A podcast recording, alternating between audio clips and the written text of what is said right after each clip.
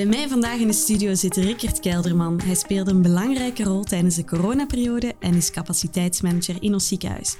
En ja, wat houdt dat eigenlijk in? Dat komen we zo dadelijk allemaal te weten. Welkom Rickert in onze studio. Um, capaciteitsmanager, dat klinkt een belangrijke functie. Kan jij onze luisteraars eens vertellen wat jouw functie precies inhoudt? Dankjewel Nele voor de uitnodiging voor vandaag. Capaciteitsmanager in het Ziekenhuis. Een, een hele uitdagende functie. Heel brede functie, waarbij we eigenlijk zo goed mogelijk proberen af te stemmen de zorg tussen enerzijds de patiënten en de medewerkers en de resources die we in het Catharine Ziekenhuis beschikbaar hebben. En daarbij probeer je dan eigenlijk ook zo goed mogelijk rekening te houden met de kaders die eromheen zijn. Hè? Zoals een productieplan, maar ook een stukje kwaliteit en service. Uh, waarbij je bijvoorbeeld kan denken aan toegangstijden of wachttijden. Oké. Kan je daar eens een concreet voorbeeld van geven? Want het klinkt nog altijd een redelijk abstract uh, gegeven. Nou een goed voorbeeld daarbij is bijvoorbeeld van welke specialismen kunnen nu welke OK's draaien. En welke patiënten moeten dan gezien worden binnen welke termijn op die OK-programma's. Uh, en heb je dan daar bijvoorbeeld ook de bedden dan daarvoor beschikbaar of niet? En hoe kun je ervoor zorgen zeg maar, dat die afstemming tussen enerzijds wat komt er nou aan de, aan de voordeur binnen, aan de polykliniek. Die patiënten komen vervolgens op een wachtlijst terecht. Die moeten op een OK-programma gezien worden. En hoe kun je ervoor zorgen dat die stroom dat die geoptimaliseerd wordt, uh, zonder dat je ergens knelpunten gaat creëren in, ja, in de totale stroom. Uh, maar dat je tegelijkertijd ook wel je, je capaciteit die je beschikbaar hebt optimaal blijft gebruiken. Hè? Dus je wilt niet zeg maar een OK-programma hebben die half leeg staat. Nee, precies. Uh, ja. En dat wil je eigenlijk proberen te maximaliseren, zodat je eigenlijk zoveel mogelijk patiënten kan helpen binnen de termijn die ervoor staat. Ja, dus jij zorgt voor de goede flow in het ziekenhuis. Onder andere samen met een heel ander team daaromheen. Ja, ja, absoluut. Want je doet dit natuurlijk niet alleen. Nee, nee. Mijn rol is met name meer op uh, strategisch en tactisch uh, niveau. Dat, dat houdt eigenlijk in dat dat uh, wat meer op managementniveau is. terwijl andere collega's die zitten wat meer op de operationele stukken. En dan gaat het ook echt meer op het daadwerkelijk inplannen en vormgeven van je OK-programma's.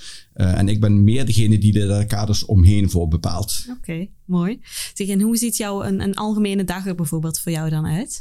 Nou, het mooie van capaciteitsmanagement is dat het uh, iedere week en iedere dag uh, soms weer anders eruit ziet. natuurlijk hebben wij ook dat we met ja, bepaalde seizoenseffecten te maken hebben, waarin je in bepaalde delen van het jaar met bepaalde onderwerpen bezig bent, hè, om die kaders door te kunnen vertalen voor een heel jaar. Uh, en daarnaast hebben we natuurlijk ook gewoon heel veel overlegstructuren staan, waarbij ik ook actief betrokken word om ook echt actief input te leveren, om bij te kunnen sturen op die capaciteiten als, als dingen niet goed afgestemd zijn. Ja, oké. Nou, klinkt interessant al. Over daar hebben we onze eerste jingle. We starten onze podcast altijd met een positieve noot, namelijk een goed moment voor een compliment.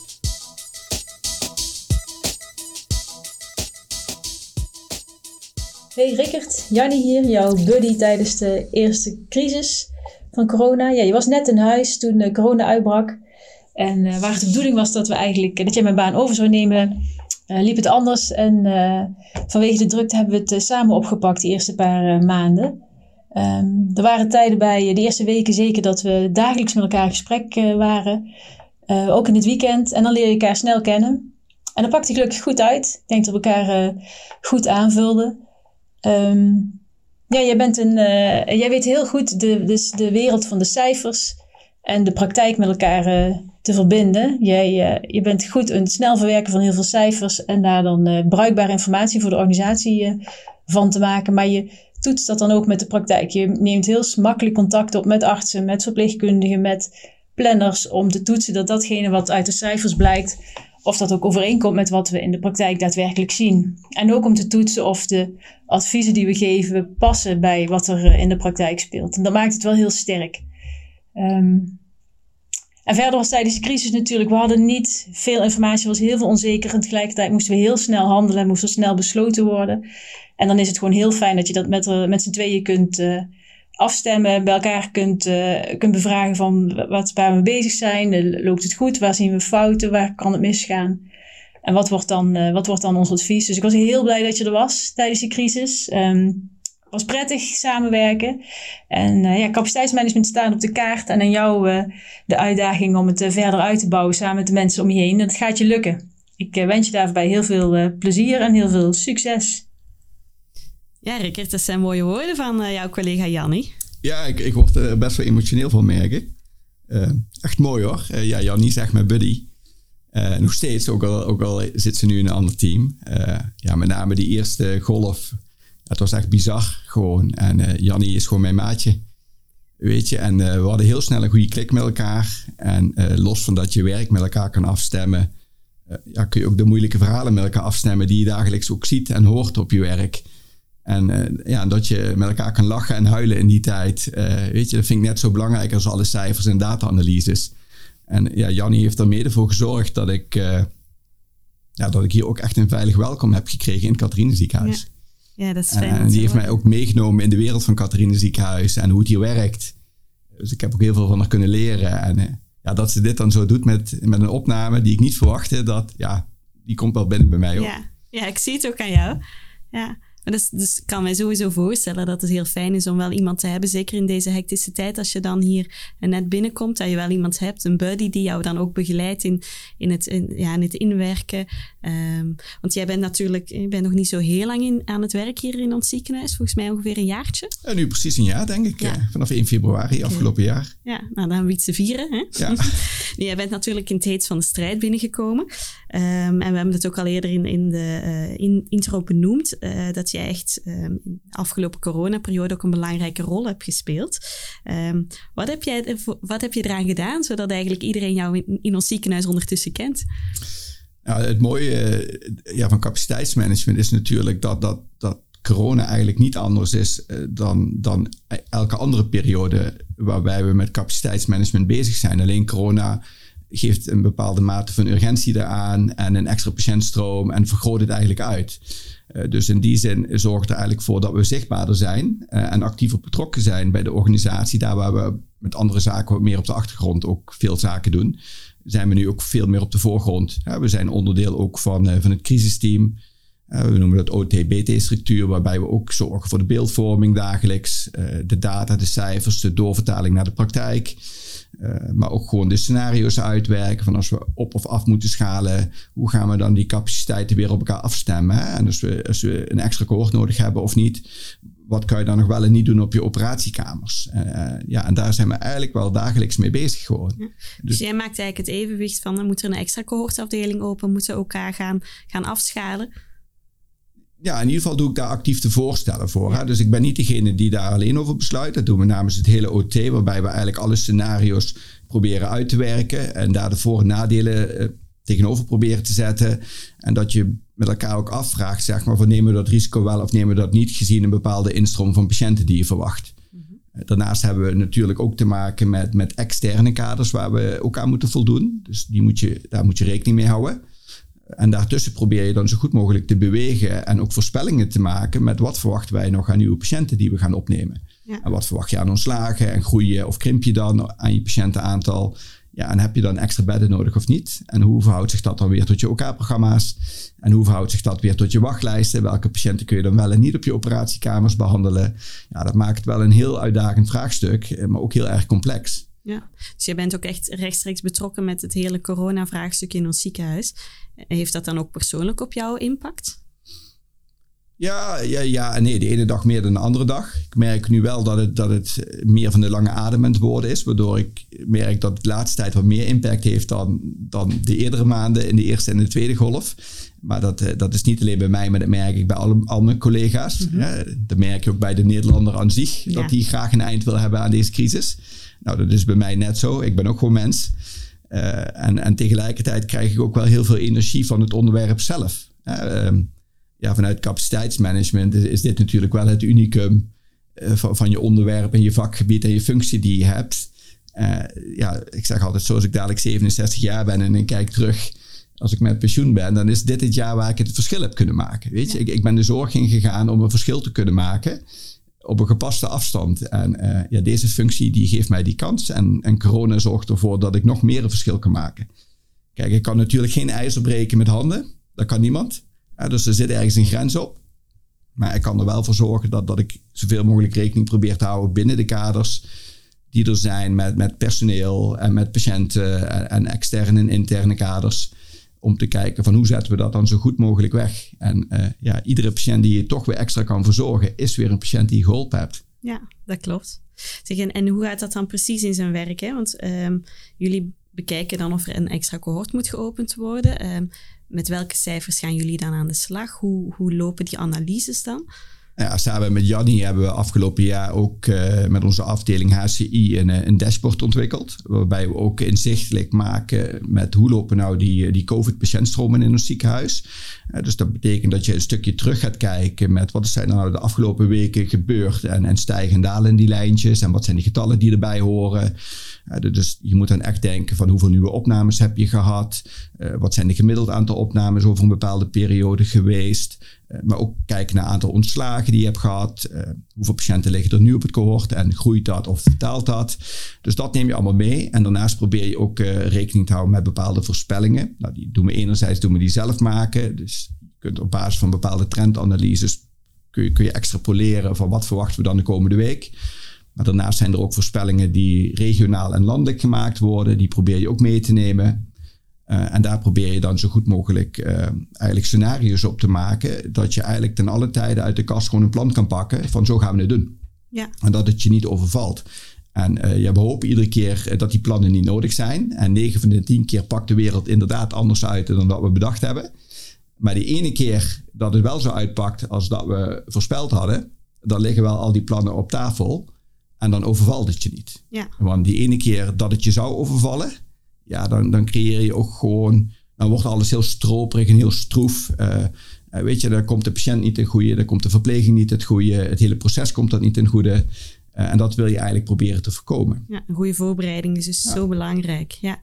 En in welke mate is capaciteit nu eigenlijk voorspelbaar? We weten natuurlijk ook bijvoorbeeld dat met de kerstperiode uh, dat er dan ook meer opnames zijn. In welke mate zijn die trends voorspelbaar? Nou, een deel is echt wel voorspelbaar, want we maken in, het ziekenhuis eigenlijk onderscheid tussen, tussen twee stromen. Je hebt namelijk je spoedstroom en je geplande stroom. Mm -hmm. um, en uh, ja, het is heel tegenstrijdig, maar de spoedstroom die is vaak veel voorspelbaarder en constanter dan onze eigen geplande stroom. Okay. Uh, dus daar valt veel meer in te, te halen dan eigenlijk je spoedstroom. En daar, dat laat zich ook makkelijker leiden door seizoenspatronen, bijvoorbeeld spoedstroom. Uh, dat, uh, we kennen allemaal het influenza-periode natuurlijk. Mm -hmm. uh, nou, dan heb je natuurlijk meer opnames op long natuurlijk. Dat ja. is heel voorspelbaar. En zo zijn er soms ook wel andere periodes waarin je zaken kan voorspellen. En de maandag en de vrijdag zijn ook altijd van die dagen waarop je weet dat de SCH altijd wat gevoeliger is voor meer instroom. Gaan jullie daar dan bijvoorbeeld ook al vooraf op inspelen door bijvoorbeeld meer personeel dan in te zetten in die, in die periodes? Dat is wel de bedoeling, hè, dat we willen kijken zeg maar, van, van hoe kun je meebewegen op die zorgvraag. Hè? Want dat is eigenlijk wat je wilt, dat je op die dagen of op die weken, in die maanden, eigenlijk anders omgaat met die resources dan dat je normaal zou doen. Hè? Dus wat wij bijvoorbeeld al doen, bijvoorbeeld, is dat we bijvoorbeeld bij flexbedden werken, waarbij je eigenlijk in de winterperiode bijvoorbeeld een extra bedden opent. Uh, en die, in de zomer heb je die bedden weer niet open. Oh ja. En dan probeer je op die manier probeer je toch extra capaciteit te creëren, zodat je die hogere instroom die je in, in die maanden verwacht, dat je die toch beter kan wegzetten in je huis. Ja. Zonder dat dat meteen een knelpunt geeft. Ja, want op het moment dat je het bed niet beschikbaar hebt, ja, dan wordt het probleem aan de voordeur geplaatst. En in dit geval betekent dat de SCH daar dan last van heeft. Ja, absoluut. Ja. Ja, dus doorstroom is eigenlijk een van de allerbelangrijkste zaken in het ziekenhuis. Uh, om ervoor te zorgen dat alle schakeltjes op elkaar door kunnen blijven haken. En op het moment dat je die doorstroom niet kan, uh, kan waarborgen, ja, weet je, dan verplaats je het probleem naar een andere afdeling. Ja, dus die flow is gewoon zo ja. belangrijk. Ja. Oké. Okay. En wat is nu de relatie tussen capaciteitsplanning en personeelsplanning?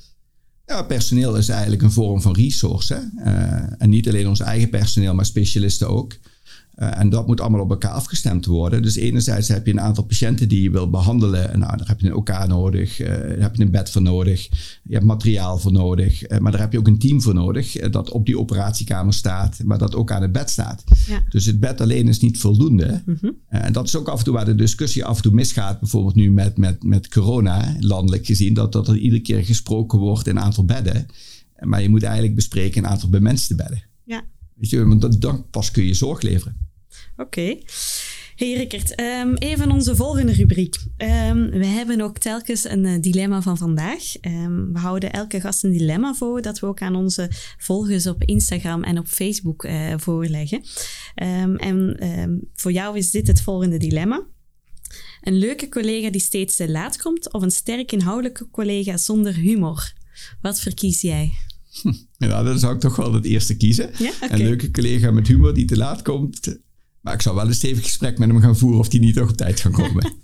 Het is voor jou dus heel belangrijk dat, dat een collega wel gewoon dat daar een klik mee is en dat je daarmee eh, ja, echt een, eh, ja, een buddy kan vormen. Dus ja, ja, weet je, ik denk dat dat ook is wat de zorg nou net zo sterk maakt. Hè? Dat we allemaal eh, ook naar elkaar om blijven kijken.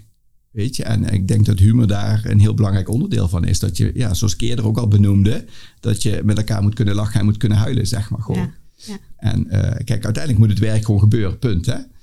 Dus op tijd komen is wel een van de belangrijke zaken. Maar ja, als iemand bijvoorbeeld later begint en eindigt ook later, hoeft het geen probleem te zijn. Hè? Nee, dat klopt. Dus we proberen ook met elkaar rekening te houden van hoe kun je je werktijden wel zodanig schuiven dat je wel je uren kan maken, maar dat het persoonlijk ook nog wel past binnen de organisatie en voor jezelf. Ja. En als je dan een goede band hebt met een collega, kan je, zelf, of kan je elkaar daar ook op aanspreken.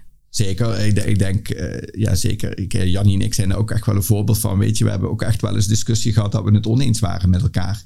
En weet je, en ik denk als je gewoon een, een goede, sterke band hebt met elkaar, dan, dan kun je ook op een hele veilige manier die discussie voeren met elkaar. Ja. En terwijl als je merkt dat er wat frictie is bij elkaar, ja, weet je, dan wordt het altijd lastiger om dat soort inhoudelijke discussies te gaan voeren, omdat die dingen door elkaar heen gaan lopen. Ja. ja, dat veilige klimaat is er dan Ja. niet. Ja. En dat vind ik heel fijn van de zorg. Dat, ja, weet je, we doen het altijd met elkaar en samen. En, en, en dat is ook wel wat de zorg zo sterk maakt, vind ik. Ja. Dus ja, voor mij is duidelijk optie 1 is, is, is, is degene die ik zou kiezen. En wat denk je dat onze luisteraars hebben geantwoord? Ik denk dat de luisteraars ook wel optie 1 hebben gekiezen. Ja, dat klopt. Ja, dat was inderdaad. eh, het, was maar, het was een nipte overwinning, maar eh, de meeste kozen inderdaad voor eh, antwoord 1. Ehm, wat vind jij verder nog belangrijk in een collega? Stel je gaat nu een nieuwe collega zoeken. Wat moet hij dan, waar moet hij zeker aan voldoen? Ja, dan kom je toch bij optie 2 uit, inderdaad. Dat hij toch sterk analytisch moet zijn en Ja. ook goed van de cijfers kan zijn. Alleen wat ik wel altijd belangrijk vind, en dat, dat, dat mis ik soms ook wel bij, bij, bij collega's van andere ziekenhuizen, is van cijfers zijn altijd een middel en niet een doel. En ik merk af en toe dat eh, dat soms andersom is. Dus dat mensen zo vastzitten in hun eigen hokje, in hun eigen denkpatronen, in hun eigen wereldje van cijfers, eh, dat cijfers in één keer een doel worden. Mhm. Eh, terwijl het gaat natuurlijk niet om, om het cijfertje goed te krijgen. Het gaat erom dat je de organisatie in beweging wil krijgen om die flow op gang te houden. Ja, zeker. En daarbij zijn cijfers altijd een middel en is het doel om mensen in beweging te krijgen. Ja. En die veranderingen op tijd afgestemd te kunnen krijgen. En, en dat vind ik altijd wel belangrijk in een collega, dat die zich daar bewust van is. Oké, ja, dat is mooi om te horen. Ehm, we gaan naar het einde van ons gesprek toe. En dan zijn er eigenlijk altijd twee vragen die, die ik graag toch nog even wil stellen. Waar heb jij het meest van geleerd de afgelopen periode? Ik denk dat ik het meest heb geleerd is toch wel waar mijn eigen grenzen liggen. En ook gewoon het besef, niet alleen van mezelf, maar ook van de mensen om me heen, de verpleegkundigen die echt knetterhard werken, dat, eh, dat, dat grenzen relatief zijn en dat eh, door de juiste band en het veilige klimaat te creëren met elkaar, dat je toch dat extra stapje kan doen. Ook al willen we dat niet, maar we doen het wel. Ja. En, eh, en, en dat, dat er heel veel rek zit in mensen. En, eh, en eh, ja, weet je, ik ben heel trots op, op, op Catharine Ziekenhuis, de verpleegkundigen die dat dagelijks gewoon weer opnieuw laten zien. Ja. En, en dat is heel moeilijk, maar, maar je merkt wel dat zeker in de zorg, zeker tijdens corona, ja, is die grens voor iedereen, eh, ja, die ligt niet waar die normaal ligt. Nee, iedereen is er zeg maar over gegaan. Ja. Ja. Oké, dat zijn heel mooie woorden. Ehm, en dan als laatste vraag. Op welk moment van het voorbije jaar ben jij het meest trots? Ja, en voor mij is dat toch een totaalplaatje gewoon. Ik, ik, ik hecht niet specifiek waarde aan één moment. Hè. Zoals ik eerder al vertelde, gewoon het gevoel dat je een verschil mag maken in deze functie. Ik zie dat als een voorrecht. Weet je, en daar ben ik gewoon trots op dat ik, dat ik hier binnen Catharine Ziekenhuis geaccepteerd en gezien word in, in, in de rol die ik, die ik heb. Ja. En dat ik daar een bijdrage aan kan leveren op mijn manier, eh, zoals ik het voor me zie. Eh, ja, en dat, en dat ik zo gepositioneerd word, ook door mijn leidinggevende die me daar de vrijheid in geeft. Dus eh, Roos ook bedankt. Eh, dat, eh, ja, weet je, dat, dat, dat is gewoon een voorrecht. En daar krijg ik heel veel energie van. Ja, dat is En daar ben ik gewoon heel trots op. Ja.